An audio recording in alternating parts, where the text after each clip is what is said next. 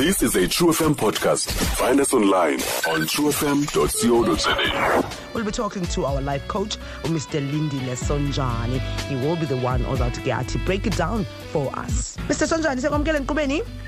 Hello Zaiko kunjani? Philile Nkosi akho nto kunjani kuwe?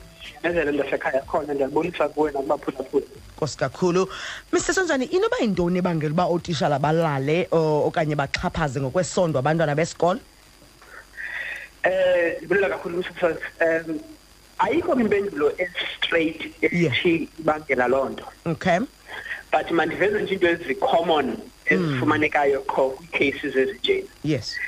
Eyokuqala is that um utishala unengxaki yokuba une-sexual fantasies. Mm. and impulses yena angakwazi ukuzifulfila Mm. Kuthi kanti nje behleli utitsha lapho unengxaki neporn nengxaki yoba eh unezinto azibawelayo azinyolukeleyo Yabona ne? Yeah. Mm. Now, lo mntu asimazi uba uyagula because yingulo leyo and ayilawuleki Mm. so that's the first reason that uthi xa bona abantwana afumane indawo anosebenzisa kuyo lento ayibawelayo Nkosi yami.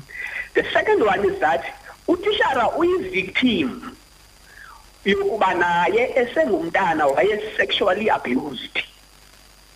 Now the problem is that ke msasazi children who were abused when they grow old abuse others as well. Mm. So nje basihleli lo tishara apha kanti ngowayeyikwekwe mhlawumbi utata okanye umalume okanye ubani wayekhe wamlala as a result ngoku zange ithethwe ekhaya uyayibona ne? Yes. so u- ukhula nayo so xa bona abantwana ungumntana nje omncinci apha engqondweni yakhe olilayo ofuna ukwenza laa nto yayenziwe kuye Mm. Mm. the third one is that ke msasazi amadoda adalwe efane that nethi umntu abe ne-power and influence ufumana i-opportunity to abuse that power and influence because ukuyajonga apha akekho utishara oabhuse omnye Eh, eh, eh, it's people with power Yeah. esebenzisa kubantu who do not have amandla okuzilwela okanye amandla okuzidifenda. Mm. so those are the three main reasons why. And ndathi masifake isile ndithi indlela indoda ekhuliswa ngayo will always affect indlela eh indoda ebayiyo xa seyidala. Okay.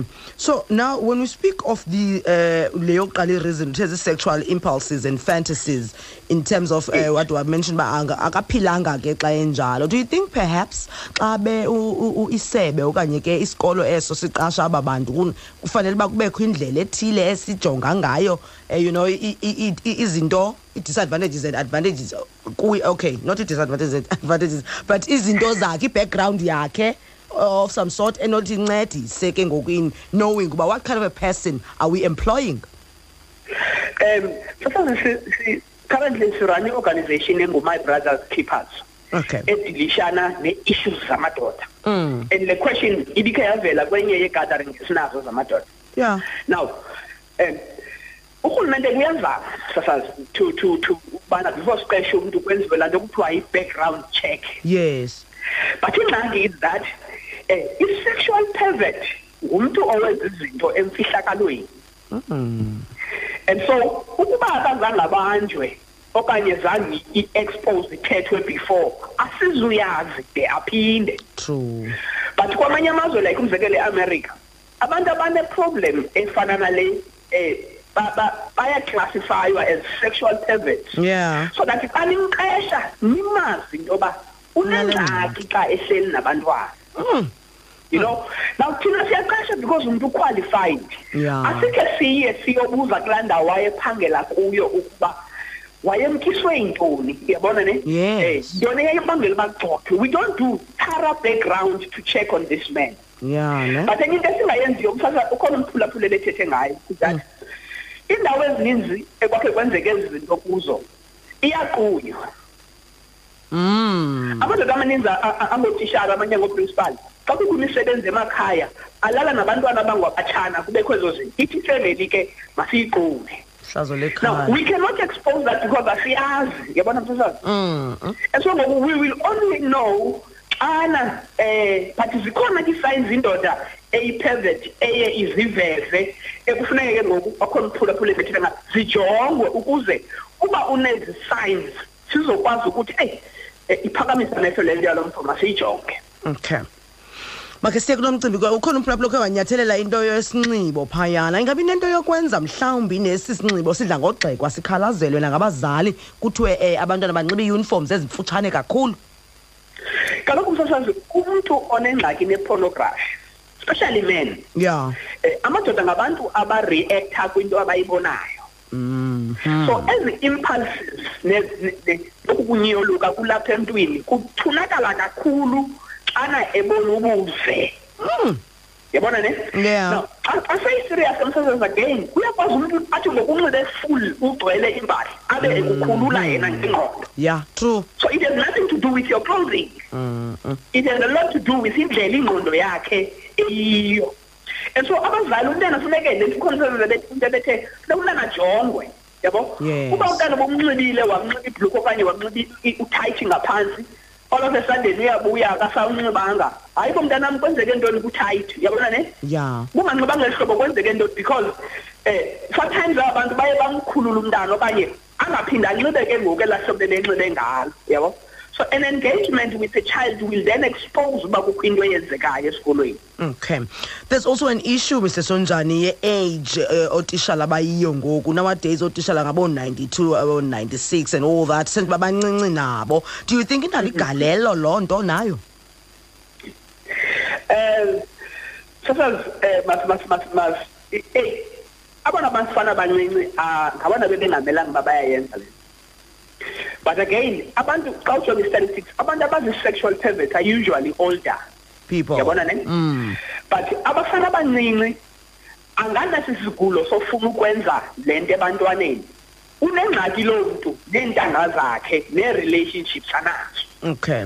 so esangakwazi lo muntu create relationships with abantu abalingana nayo ii-colleagues alingana nazo uye akhangele abantu abancinci kunaye so that azofinisha laa nto besithethe ngayo ithi abe ne-power and influence Yeah, yeah. you know Yes. but but but kufuneka igadwe because it, it it has a lot to do with indlela ingqondo yayo le ndoda eyiyo ii-challenges le ndoda ezifeyisileyo Mm. and uzawuthi ke ngoku bona abantwana afumane indawo yokukhuphela kubo zonke ezi zinto agula zizo okanye angekho rayithi zizo Ndikuva kakuhle. Kokugqibela Mr Sonjani just nje what would you say abazali uba mabaqaphele okanye bangangenelela njani bona ukuzama ke by all means ukukhusela abantwana babo? Okay. One of the things uBrothers for Life esizenzayo emsasazi ukuthi emadodeni ane-responsibility yomntu ongumama ukugada umntana Mm. as utata womntana pay attention to umntanakho yabona ne Yes. so that umntana ayazi into yoba umntu ongutata kamelanga kuyenza le nto because utata makayenzi Yes. And akwazi umntana ukuthi xa ebona into ezifana esikolweni ukuthi ndacela tata Mm. na kuthi umntana besithi kulo mntu ndacela kumama um ubona uba suka mama kwenza mbulala naye yabo akwazi umntana mandingayithethi Mm. kanti if amadoda khona if amadoda ayasapotana uyakwazi ukuthi umntana ndicela kuthatha because uyamazi uba utata akhe ungusuperman phaa endlini Oh, so into mama. yokuqala leyo ukuthi otata should be involved ekukhuliseni abantwana Mhm. but the second thing makubekho i-relationship ekhaya between umzali nomntana so that xa kukho izinto ezenzekayo emntaneni umzali is able to see umntana akwazi ukufika ekhaya azocela uba ekukho into eyenzekayo mama esikolweni enjeni Yeah. then thirdly abazali funeke bapheye special attention ebantwaneni sasazi abike umntana ngowakho uyamazi xa kukho into erongo eyenziwayo Mm. especially ke esexual because uthi ngoku umntana endwebileyo esawu-abuswa sexually ecwaka Mm. mm. all of a sudden usukubona umntana uthena lo mntana ezolile uthena lo mntana ehleli yedwa uthena lo mntana abantwana ke bayabhala nobhala abanye bayazoba ezi Yes, zinto they zenzo do. so umzali should be involved in the life of a child so that abone ukuba kukho into eyenziwayo yabona ne Okay. nalaa nto msasazi yoba umntana sazivele esikolweni nabam ndihlala phantsi ndiwuzobe kunjani ekrishi kubaliswe kubaliswe yabona ne hmm. yenza into yoba uba kukho into engenye ayithethe Okay. Mr Sonjani, thank you so much for your time. Have a lovely day. ndiyabulela kakhulu msasazi nonwana Nkosi kakhulu. Stream True FM online on truefm.co.za. sikho yonke indawo like no one else